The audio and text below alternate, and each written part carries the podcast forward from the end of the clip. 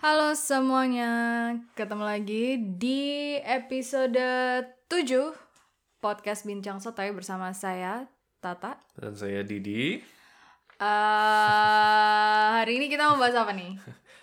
Ya minggu lalu kita bahas apa sih? Eh, aku episode yang lalu tuh kita bahas nonton bareng. Oh nonton bareng film, iya iya iya. Berarti udah agak lah beberapa episode lalu ya Ming yang soal episode Lesti. sebelumnya. Hmm. Jadi eh, episode ini tuh kita part 2 karena episode 5 kemarin itu kita akan bahas eh ini kan kasus KDRT, Iya. KDRT. KDRT. kasus KDRT yang uh, pas it, waktu itu tuh lagi banyak dibahas juga di media Indonesia tentang kasusnya secara khusus sih uh, sampelnya Lesti Bilar tapi waktu Ya. itu kita bahas yang agak luas juga dan Lebih apa secara general. uh, tanggapan terhadap kasus itu gitu loh. Nah, ini uh, karena kasusnya itu kan berkembang ya, tapi kayaknya Berkembang. sekarang udah selesai sih. Nah, ini kita membahas part 2.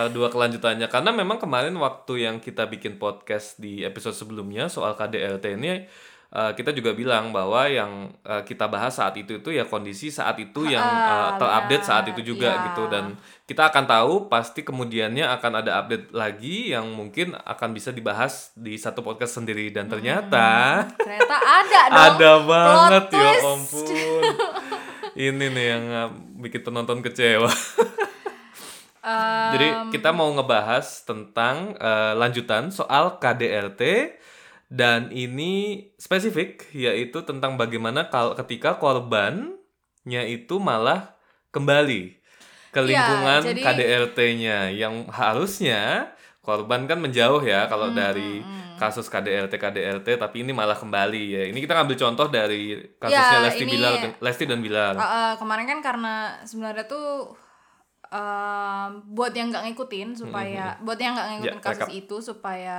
nggak apa supaya masih nyambung Uh, kemarin setelah udah dilaporin terus Bilarnya udah jadi tersangka udah ada bukti CCTV dan ternyata udah terungkap Oh, dia iya. udah 10 kali dalam setahun kejadian melakukan kekerasan dalam rumah tangga. Terus habis itu udah ada press conference dengan polisi dan eh Bilarnya juga udah pakai baju oranye. Yep. Terus ternyata si Lestinya katanya nggak tega ngeliat suaminya kayak gitu. Terus akhirnya dia memutuskan untuk meng- mencabut Laporan, laporan. Terus habis itu ada press release lagi dari Rizky Bilar dan Lestinya bahwa mereka memutuskan untuk kembali. Berdamai. Eh, dan gak cuma damai karena kalau damai tuh ya udah damai kan, tapi bisa apa pisah gitu. Cuman mereka memutuskan untuk berdamai dan kembali em, ya gitu. Itu, ya intinya itu. Ada eh, yang sudah em, terjadi KDRT-nya udah terbukti dan bahkan ini setelah vid- eh, podcast kita upload minggu eh, dua ming- beberapa minggu yang lalu em, beberapa hari kemudian itu muncul bukti yang video itu kan video Iya, KDRT itu ah, juga kita kaget ketika ngeliatnya uh ah, buset ah. sampai ada loh CCTV yang eh, si bilanya mau melempar bola ini ini ya asumsinya apa dugaannya mau melempar bola eh, biliar Biliar, ke arah ah. si eh, siapa namanya? Lesti. Lesti dan waktu itu lagi Dan- hamil besar. Iya, dan tapi, akhirnya, hah? sorry, tapi sebelum kita lebih lanjut, ini aku mau disclaimer aja bahwa kita di sini tidak mau ngejudge keputusan Lesti untuk kembali itu benar atau salah karena kita nggak tahu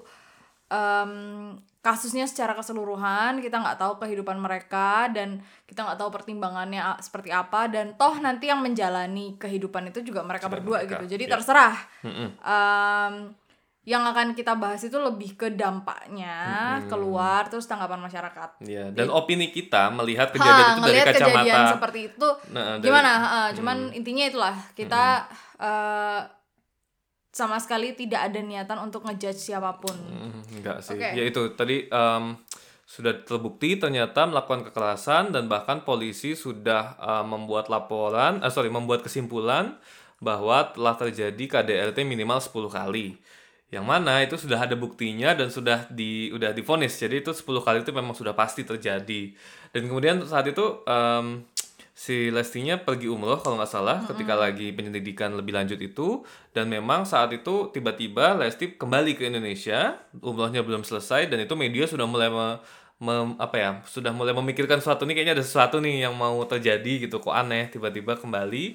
Dan ternyata benar beberapa saat kemudian uh, mengeluarkan statement bahwa akan mencabut laporannya. Jadi uh, jadi uh, dan ini aku kembali lagi sih aku tadi kelewatan sayangnya adalah sebelum dicabut laporannya si Lesti Lesti ini sudah mendapat dukungan yang luar biasa dari masyarakat Indonesia. Hmm. Itu yang aku aku aku suka ketika kasus kemarin itu rakyat Indonesia tuh menurutku bersatu dalam hal yang benar gitu yaitu sama-sama kita kita anti KDRT kita nggak suka kekerasan dalam bentuk apa pun terutama dalam rumah tangga dan kita mendukung si korban untuk speak up. Dalam hal ini Lesti. Jadi dukungan tuh luar biasa apalagi dari perempuan apalagi dari kaum apa uh, istri yang ada di rumah tangga yang itu bisa menjadi sebuah apa ya sebuah mercusuar gitu loh untuk orang-orang yang selama ini mungkin dalam rumah tangganya itu ada kekerasan ada KDRT tapi nggak berani speak up ini loh si Lesti yang masih baru menikah yang ketika menikah tuh juga diidam-idamkan sebagai the best couple in,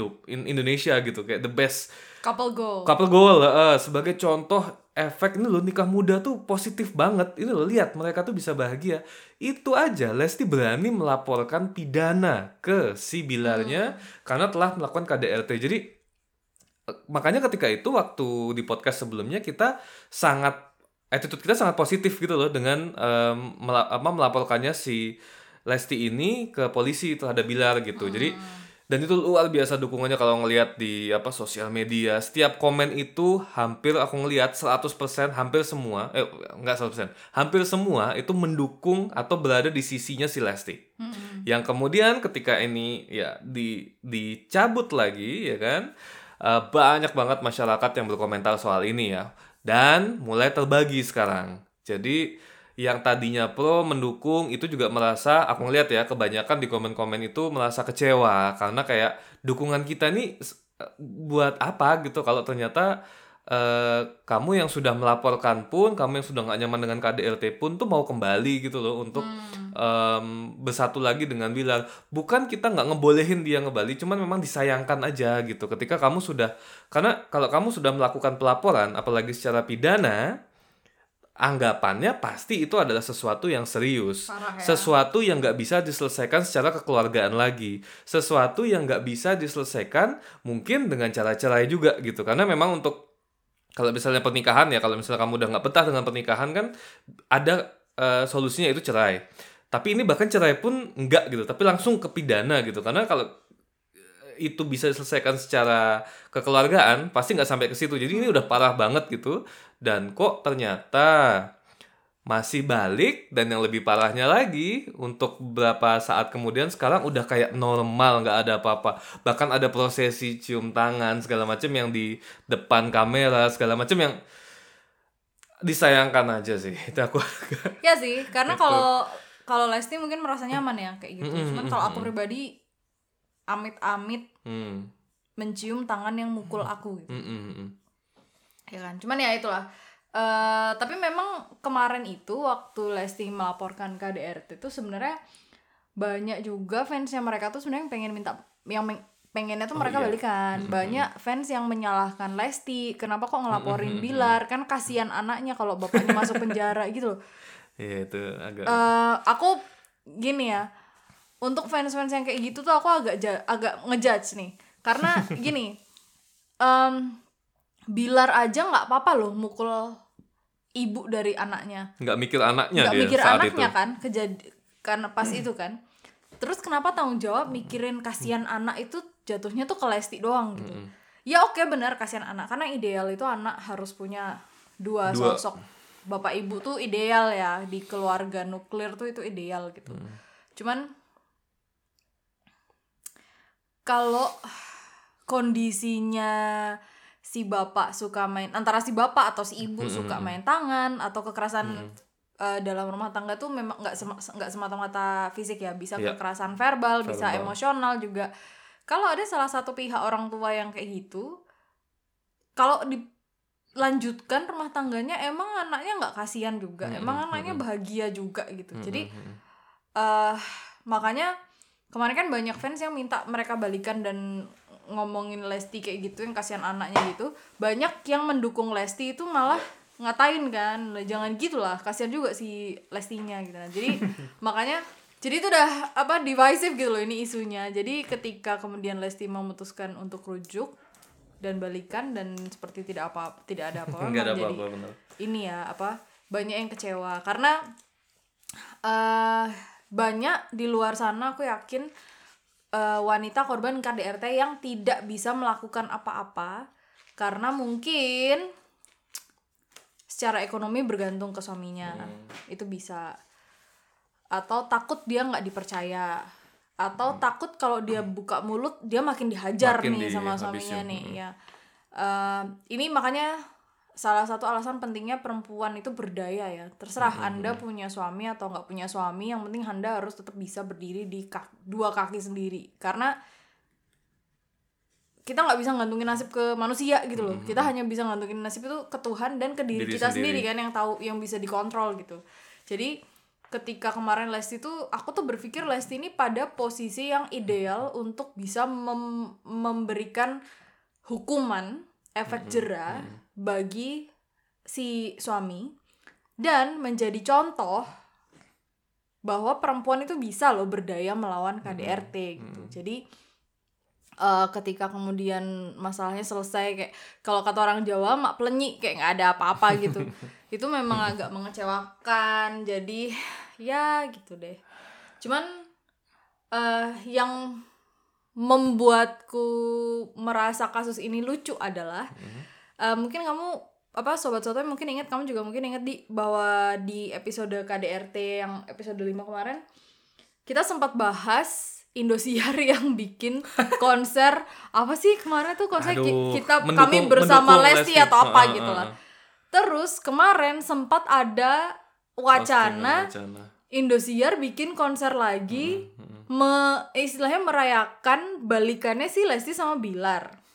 Apa sih cin- cinta bersemi kembali atau apa Bersemi gitu. kembali, eh, Salah sa kayak gitulah. Something to that effect. Itu menurutku lucu gitu loh. Karena ini kasus KDRT yang serius kenapa diperlakukan se- seperti tontonan? Hmm. Kenapa diperlakukan seperti sinetron? Dan plus Indosiar kemarin sudah mengecam Bilar, udah memecat Bilar secara publik terbuka Hmm. Oh, iya. di acaranya. Emang gak malu tuh bikin konser kayak gitu lagi? Please. Dan kemarin kayaknya udah diundang juga deh Lesti nyanyi di satu. Tapi aku Iya, nggak tahu kalau Lestinya mah ya udah lah ya.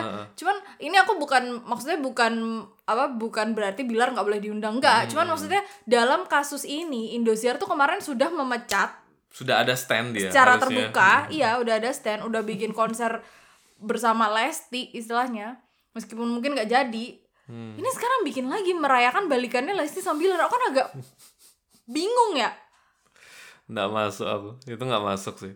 Dan yang mendukung karena ya tadi aku bilang nggak hampir semua ya itu mendukung Lesti ketika eh, mengajukan em, apa eh, ke pidana itu. Tapi memang ada banyak sekali fans yang bikin status-status itu tuh yang apa ya tadi bener apa sayang sama anak segala macam nah Iya. akhirnya ketika balikan ini juga ketika akhirnya kembali ke pelaku KDRT-nya kemudian maaf-maafan dan seperti nggak ada apa-apa ini tuh jadi membenarkan orang-orang seperti itu gitu loh bahwa yang harusnya mengalah yang harusnya Iya. ngasih apa ya yang memaklumkan yang menyelamatkan rumah tangga itu tuh harus ceweknya gitu loh harus Itu loh. ibunya jadi mesti itu posisinya nih meskipun yang turun tangan yang cowok Heeh. Kalau yang cewek memutuskan cerai yang salah tetap yang Tetap cewek, kenapa kamu nggak bisa neri maaf- maafin aja tuh si Lesti bisa? Mm-mm. dan suaminya tuh cuma mukul dia nggak minta cerai loh. Iya. Ya kan? Dia cuma mukul loh. Karena karena di di di di tempat kita ini masih cerai itu kan sesuatu yang yang tabu, Tabu ya. banget, ah. untuk rumah tangga gitu loh. Itu beneran sesuatu yang udah jelek eh, image-nya apa pokoknya jelek lah kamu oh ketika itu lagi. Mm-mm. bahwa ketika satu apa pasangan suami istri cerai. Itu dia.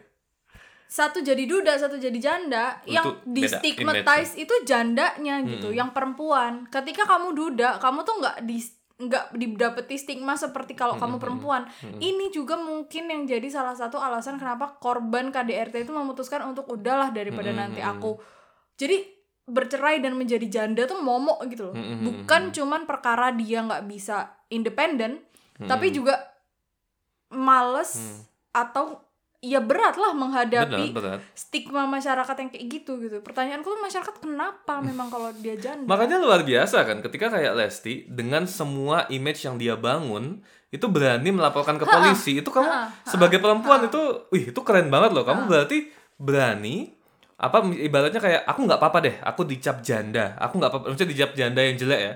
Sorry, aku ditangkap apa dicap eh, janda dicap apa namanya sesuatu yang jadi momok di masyarakat. Karena kalau udah janda mesti stigmanya negatif, akan menjadi penggoda laki orang, penggoda apa gitu kan.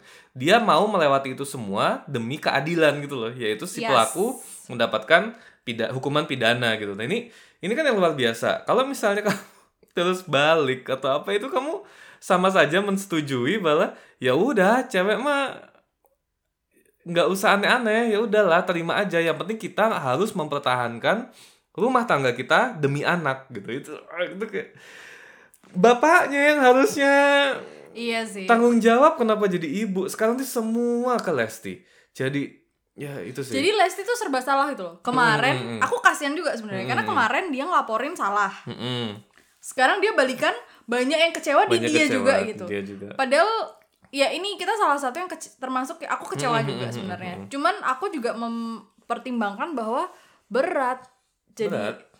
perempuan pada di posisi Lesti. Meskipun dia ternyata dia berdaya, punya uang, punya pekerjaan, tapi mungkin kita nggak tahu di balik itu tekanan yang dia dapat itu gimana dan kan ini ya dia banyak usaha yang namanya Leslar juga ya sama namanya tuh sama Leslar iya udah kan di usahanya tuh udah kayak udah di trademark deh kayaknya corporate Heeh. corporationnya tuh namanya eh, Leslar gitu. Jadi ya nggak tahu kita jadi gimana ya Em, mungkin kita juga harus oke kita kecewa tapi kembali lagi keputusan terakhir itu ada di tangannya Lesti tangan gitu. Lesti. bahwa eh, itu kehidupannya dia. Dia udah Hmm. tahu sekarang eh, suaminya kayak apa. Hmm. D- ketika dia mau kembali ke lubang yang sama dia harusnya udah siap menghadapi akibatnya nanti. Ya mungkin semoga enggak ya. Siapa sih yang mau apa ngalamin kayak gitu. Nah tapi ini juga banyak orang yang karena saking keselnya kemudian ngedoain Lesti yang enggak enggak Hmm, gitu kan itu yang tuh, jahat itu itu juga. Dan em, sebenarnya gini sih kalau apa ini ada ada dua sisi juga. Kalau misalnya Lesti kayak ini akhirnya kembali apa udah normal dengan ini jangan juga menurutku sampai menyalahkan masyarakat yang punya opini karena dia kecewa ya. Iya. opini loh ya maksudku. Jadi kalau misalnya opini masyarakat jadi berbalik ke Lesti maksudnya jadi nggak suportif ke Lesti jadi nggak mendukung dia untuk apa em, karena sekarang udah mulai banyak nih yang em, berpetisi bahwa ini kayaknya Indonesia udah nggak usah deh ngundang-undang si Lesti Bilar gitu. Dua-duanya sekalian gitu nggak usah. Nggak usah ngundang ke acara TV A, TV B, TV C dipetisiin Segitunya ya? segitunya sampai supaya karena ini udah jadi contoh yang buruk gitu loh eh, ibaratnya buat masyarakat Indonesia. Dan itu menurutku tetap itu wajar. Itu netizen pasti kecewa kan itu cuman memang eh, jangan sampai ketika kita kecewa sampai mendoakan itu karena banyak banget yang jadi mendoakannya parah iya banget. kan? Parah banget itu kan? itu aku yang kemarin bilang tuh.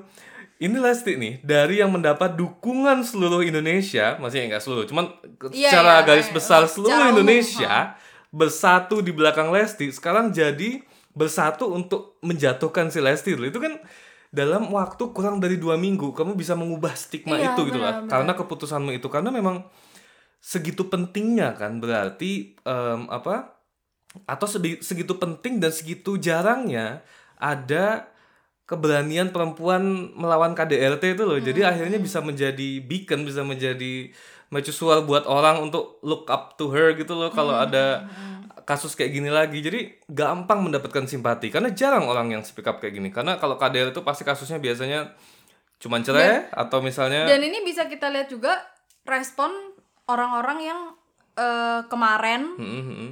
eh, apa ya mengecilkan Hmm. akibat tindakannya si Bilar gitu. loh. Ada yang bilang KDR itu ke apa kemesraan atau kemesraan dalam apa rumah dalam tangga, rumah tangga keharmonisan. keharm apa nggak ngerti lah. Terus ada yang bilang aduh biasa kalau suami istri itu tonjok-tonjokan tonjok-tonjokan Hmm, gitu. tuh. Banyak yang menormalisasi itu gitu loh. Jadi ketika dia speak up, itu dia ngelawan arus banget gitu memang. Jadi itu patut kita apresiasi sebenarnya. Hmm, makanya terus akhirnya dia begitu dapat hujatan yang luar biasa sekarang kalau teman-teman lihat di komentar kayaknya ditutup sih udah di blok eh, komentar di sosmednya dia cuman sebelum di blok tuh aku sempat lihat di twitter segala macam ketika trending itu luar biasa. Ya kita nggak bisa sekali kita nggak bisa ngontrol netizen kan. Ada yang Ya. mendoakan jelek ada yang udah mencaci maki ada yang udah menyumpahin macem-macem. Itu kita nggak bisa ngontrol itu tapi disayangkan aja si Lesti ini. Kamu punya kendali waktu itu untuk bisa apa ya berbuat sesuatu gitu loh. Untuk Indonesia menurutku ini beneran besar loh impactnya ya memang itu keluarga dia doang gitu tapi menurutku tuh impactnya gede karena dia di so- jadi pusat eh, perhatiannya media gitu jadi punya kesempatan itu dan dia ngelepas itu Iya, heeh. iya Hmm. itu itu memang disayangkan. Cuman ya itu lagi lah aku agak nggak nyaman membaca komentar netizen yang ngedoain Lesti macem-macem ngeri banget. kalau Maksudnya ya udah kalau kita ke- kalau kecewa ya udah kecewa bilang aja kecewa tapi alasan kecewanya tuh Mm-mm. yang make sense gitu loh. Jangan kemudian kekecewaan itu dilampiaskan dengan doa-doa yang Mm-mm. jelek gitu. Karena kan kalian kemarin bilang kasihan anaknya. Mm. sekarang Kayak gitu Kasihan. baca kayak gitu kan orang stres ya. ke save kan kalau di online tuh mesti kesimpan tuh. Jadi maksudku dan walaupun aku juga nggak mem- memungkiri bahwa waktu yang semua hujatan itu diarahkan ke Bilal, aku men- aku tidak merasa keberat ya kalau sumpah yang sampai parah enggak ya. Cuma maksudnya kalau kayak sekedar ngece ini loh itu aku menurutku tuh worth it karena apa ya nggak Ya apa-apa. kan dia karena dia dong. iya iya makanya itu karena dia melakukan tindakan kekerasan Yang yang, tercela, pidana tercela. Itu tuh menurutku emang layak dia dapat apa itu cuman kata gitu loh menurutku. Jadi cuman kata yang nggak seimbang sama ke perlakuannya dia sebenarnya gitu. Tapi kalau Lesti ini kan dia itu hanya keputusannya dia ya kan? Ya, dan yang tidak menyakiti siapa pun. tidak menyakiti siapa pun dan hanya berpengaruh sama dua keluarga mereka gitu. Jadi emang itu agak nggak nggak aku aku apa ya aku membela untuk enggak gitu loh. Tapi Iya. kalau Bilal aku aku out of the way deh. Aku, aku terserah oh hujat hujat silakan. Aku nggak akan mengomentari aku nggak akan ngejudge netizen yang menghujat Bilal. Tapi ketika Lesti emang aku agak kayaknya jangan deh kalau sampai segitunya. Iya, dan maksudnya kita nggak tahu juga bahwa sem- mungkin dia di balik layar kayak gimana kan nggak tahu ya. Karena mereka itu yang dijual hubungannya gitu. Jadi, itu loh karena dia tuh salah satu yang pengen aku ngelihatnya ya terutama si Bilal kalau ngelihat dari video itu kayaknya emang salah satu yang pengen keluarganya itu jadi kayak sebesar Raffi Ahmad sebesar Atta Halilintar yang apa secara keluarga itu bisa dikontenkan gitu loh bisa dijadikan cerita yang em, untuk berpenghasilan gitu sih Iya, iya, iya. Tapi ya kayaknya dengan dengan image yang dibangun saat ini aku ngeliat sih aku ngeliat ya ke depannya udah agak susah untuk bisa naik lagi. Pun kalau bisa paling hanya stagnan sampai sekarang. Jadi kalau sekarang masih terkenal misalnya masih Iya, ini. tapi belum tentu. Ada artis Kenapa, Indonesia yang dulu kasusnya jauh lebih parah dari ini, yang cewek karirnya redup, yang cowok meskipun udah masuk penjara masih aja sekarang ah dipuja-puja. no video bokep. Iya. Oh oh iya ding kalau iya itu kan iya belum sih. tentu. itu belum Paling tentu ya setahun dua tahun ini oke, mungkin agak redup. tapi terus itu aku males ya keselnya awas ya ini kita harus buktikan sih nanti karena kita nggak bisa ngeliat sekarang masih Iya. masih terlalu dini kita akan lihat perlakuan ke cewek dan ke cowoknya Iya. akankah sama masih dengan itu berarti kalau sama dengan sebelumnya itu kasus Ariel tahun berapa 2007 2006 Hmm, enggak enggak lah kalau enggak selama itu, Pak? 2007. apa Dua kurang dari itu ri- 2004 Ah, enggak enggak, dua, justru enggak. Kalau enggak Iya, Bro. 2008, 2009 oh, malah. oh. nggak berarti selama satu dekade 10 tahun tuh berarti manusia belum berubah nggak ke yang lebih baik Iya, itu padahal yang ngerekam yang cowok. cowok Yang nyebar kita nggak tahu. Tapi yang jelas bukan yang cewek lah. iya iya.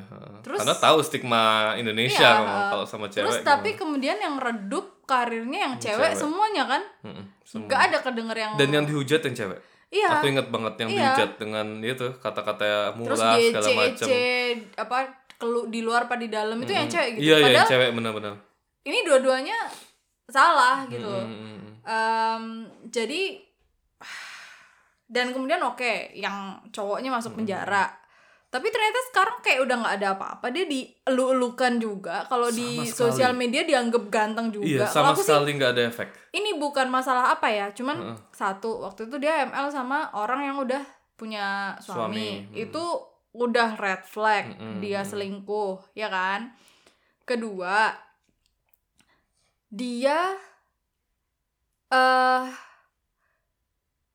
tidak kalau aku ya Hmm. harusnya dia minta maaf secara publik juga Mm-mm, ke pihak-pihak yang dia sakiti gitu loh Mm-mm. karena yang cewek-cewek dulu minta maaf Hmm. Oh gitu. Aku iya yang yang udah nikah itu minta maaf Oh iya, kalau yang udah Secara nikah tuh ya aku inget minta tuh. maaf Ah, secara publik loh. Ke suaminya Aku- juga soalnya iya inget. aku nggak inget si Boril minta maaf secara publik Hmm, hmm, hmm, hmm. ke istrinya dia kan waktu itu udah punya istri iya.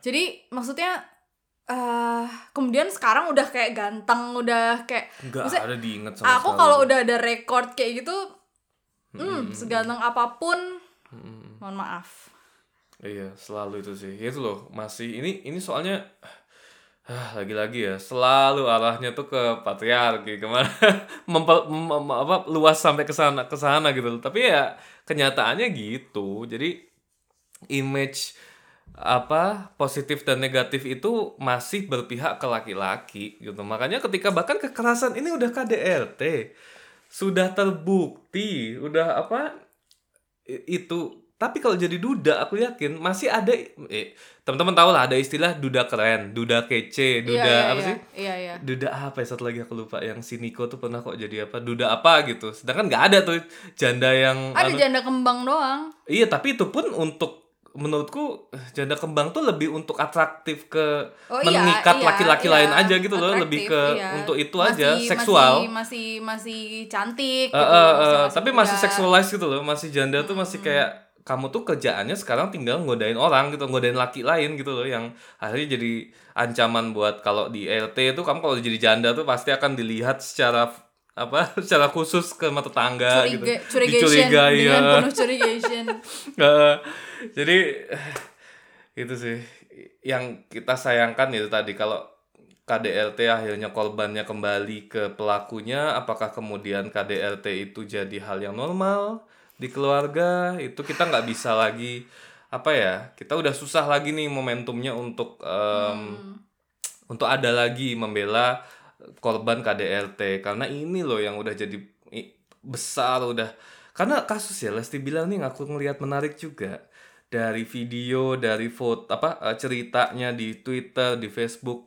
Ini tuh sampai jadi bahan obrolan orang-orang nggak cuma di kota gitu loh. Di desa di kota. Iya. orang dengan ekonomi tinggi menengah rendah itu semua bisa Nasional ngebahas. banget ya. nasional banget. Karena banyak kan video ada aku inget tuh di video di Twitter tuh ada bapak-bapak lagi di ronda gitu di pos ronda lagi ngopi yang aku ngeliat tuh em, kayak bapak-bapak eh, petani ada yang lagi habis apa kerja habis apa tuh ngumpul di satu ngomonginnya Lesti Bilar gitu loh. Jadi ini kalau kemarin itu arahnya udah benar si Lestinya sudah melapor dan segala macam berjalan sesuai dengan itu betapa bagusnya ini jadi pelajaran gitu loh untuk laki-laki dan untuk perempuan laki-lakinya supaya jangan melakukan KDRT karena laki, eh, karena perempuan istrimu tuh bisa loh melakukan sesuatu sama itu dan buat perempuan tadi bisa loh kamu melakukan sesuatu nggak itu bukan KDRT itu bukan hal yang normal iya yang dan ada KDRT itu bukan sesuatu yang harus dimaklumin mm, mm, mm, mm. Gini, kalau-.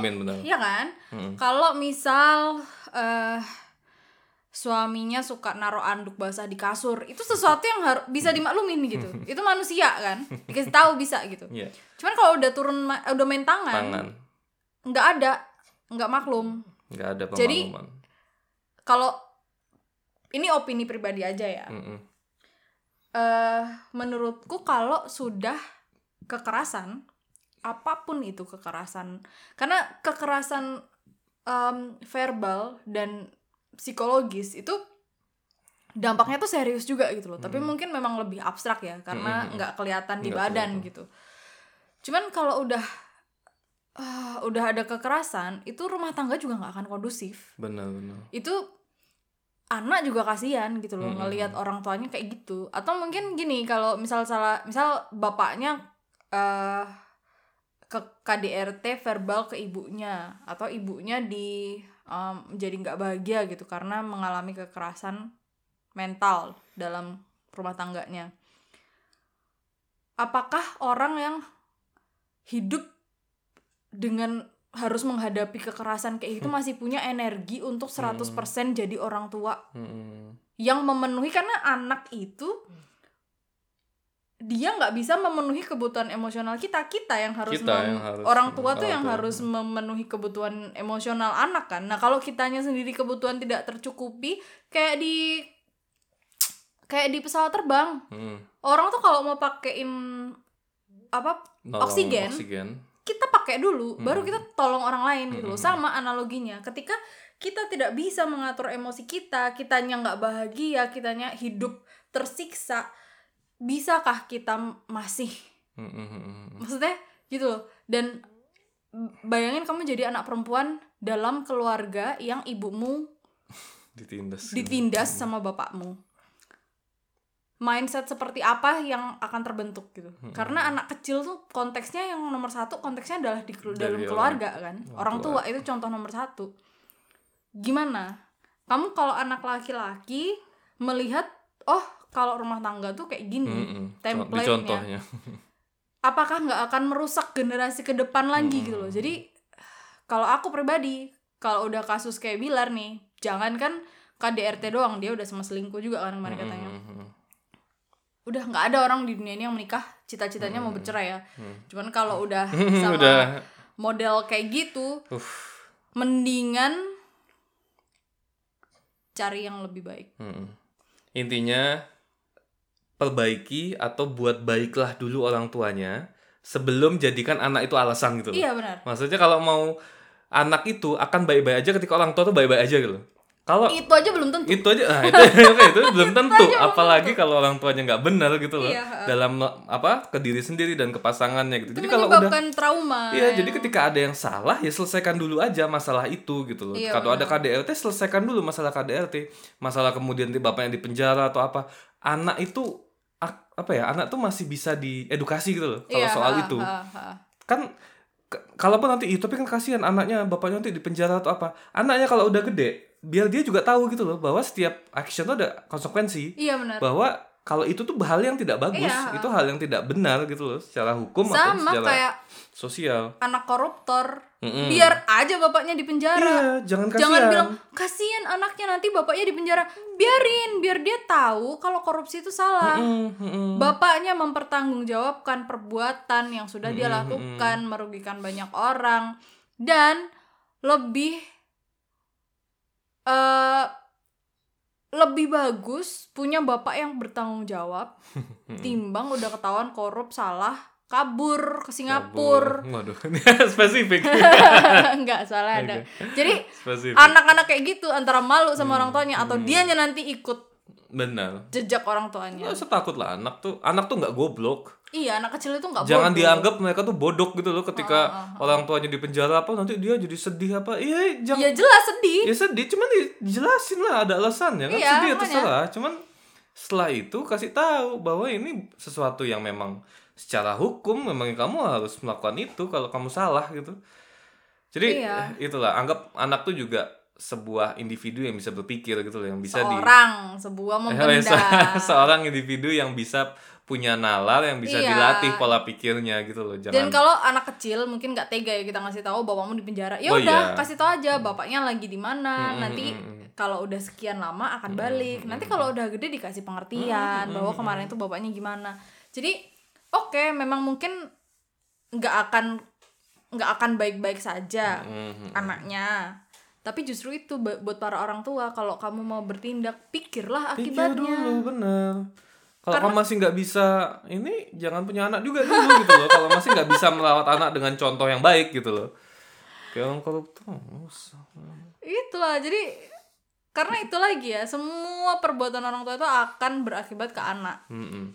jangan tapi jangan anak dijadikan alasan orang tua jadi nggak dapat konsekuensi gitu loh. Mm-mm. Betul ya kalau orang tuanya memang kasihan sama anaknya ya dari awal harusnya jangan bertingkah RT, yang aneh-aneh gitu. korupsi gitu. Iya. Nah kalau kamu sendiri gimana? Kalau kan udah keluar tuh opini pribadi aku nggak toleransi kekerasan sama se- opini ku kan sama tadi. Oh gitu. Udah keluar dari Oh, gitu. awal tuh. Tidak setuju dengan KDRT hmm. fuck KDRT nggak nggak cuma dalam LT rumah tangga ya tapi semua kekerasan menurutku sih nggak ada baiknya ya. Jadi harus ada konsekuensi. Tapi kalau dalam rumah tangga khususnya eh, memang ini banyak terjadi em, dari suami ke istri tapi tidak menutup kemungkinan istri ke suami juga ada. Tapi intinya ketika kamu jadi korban KDRT dalam rumah tangga eh, yakinlah bahwa itu adalah sesuatu yang benar untuk melapor atau mem- cari bantuan apa ya cari bantuan. Nah Cari itu. bantuan. untuk cari bantuan itu adalah hal yang wajar hal yang normal dan malah harusnya kamu lakukan. Jangan semua dipendam hanya karena tanda kutip melindungi aib Ah, aku keluarga baru mau ngomong. iya, KDRT itu bukan aib Ah, yang bukan harus aib. iya itu aib benar, tapi iya, bukan iya. aib yang harus ditutupi gitu. Aib yang harus ditutupi itu apa? Misal oh, istriku ngentutan gitu. Oh, suamiku ngentutan. Itu sesuatu yang kalau di Iya gitu lah. Tahu lah yang aib itu yang tidak merugikan orang lain lah. Cuman kalau yang perkara kayak gini, kalau suamimu koruptor mau kamu tutupin. Hmm. Laporin, Laporin. dong. Et- the ethical Hmm. thing to do itu yang laporin tindakan udah melanggar hukum kok. suaminya bikin math bikin lab Nah, iya. narkoba kasih tahu itu pelanggar hukum harus di ini Ih, jangan malah ikut jadi Malah drug ikut lord jadi kan. drug. Ya, tapi ini terakhir terakhir yang aku mau bahas itu Hmm. adalah kemarin kan kita bahas juga uh, Mbak Imbong yang membuat prank KDRT. oh my god oke Ini salah satu efek Lesti Bilar rujuk adalah Mbak Imbong terus ngepost. Jadi gimana nih ya? Jadi aku Kacau boleh sih. prank atau enggak? Enggak, Om Mbak Im. kacau sih aku KDRT tuh bukan bahan prank, Om Mbak Im. aku aku nggak mau ya aku aku ini beropini pribadi menurutku Baim itu sangat tidak ah apa ya kata-katanya ya sangat tidak ada empati.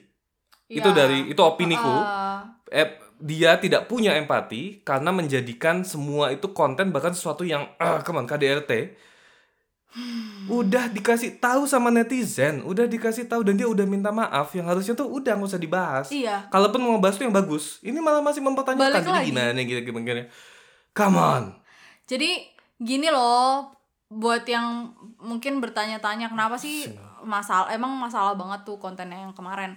Bermasalah karena gini. yes Mungkin dia merasa em, yang dia prank itu mencontoh kasusnya Lesti Bilar doang ya, teman-teman sesama teman artis lah. Oke. Tapi kepikir nggak sih bahwa korban KDRT tuh di luar sana banyak loh, nggak cuman Lesti. Terus korban KDRT tuh gimana ngelihat penderitaannya dia dijadiin bercanda demi konten demi uang yang tidak menguntungkan diri dirinya dia juga Enggak. gitu loh. Bahkan malah merugikan. Kenapa? Karena menjadikan masalah seserius KDRT jadi bercandaan. Kan nggak lucu kayak gitu tuh. Hmm, kayak misal banyak kan orang bercandain eh apa korban kekerasan seksual Hmm.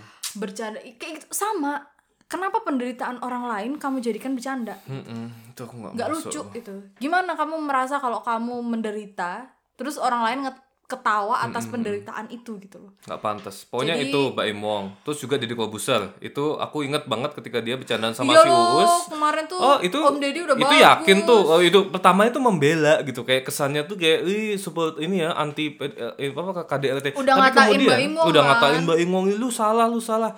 Tapi Dia kemudian ngobrol sama si Uus. ngomong sama si Uus bahwa itu yakin KDRT bukan karena fetish gitu. Kayak oh my god come on.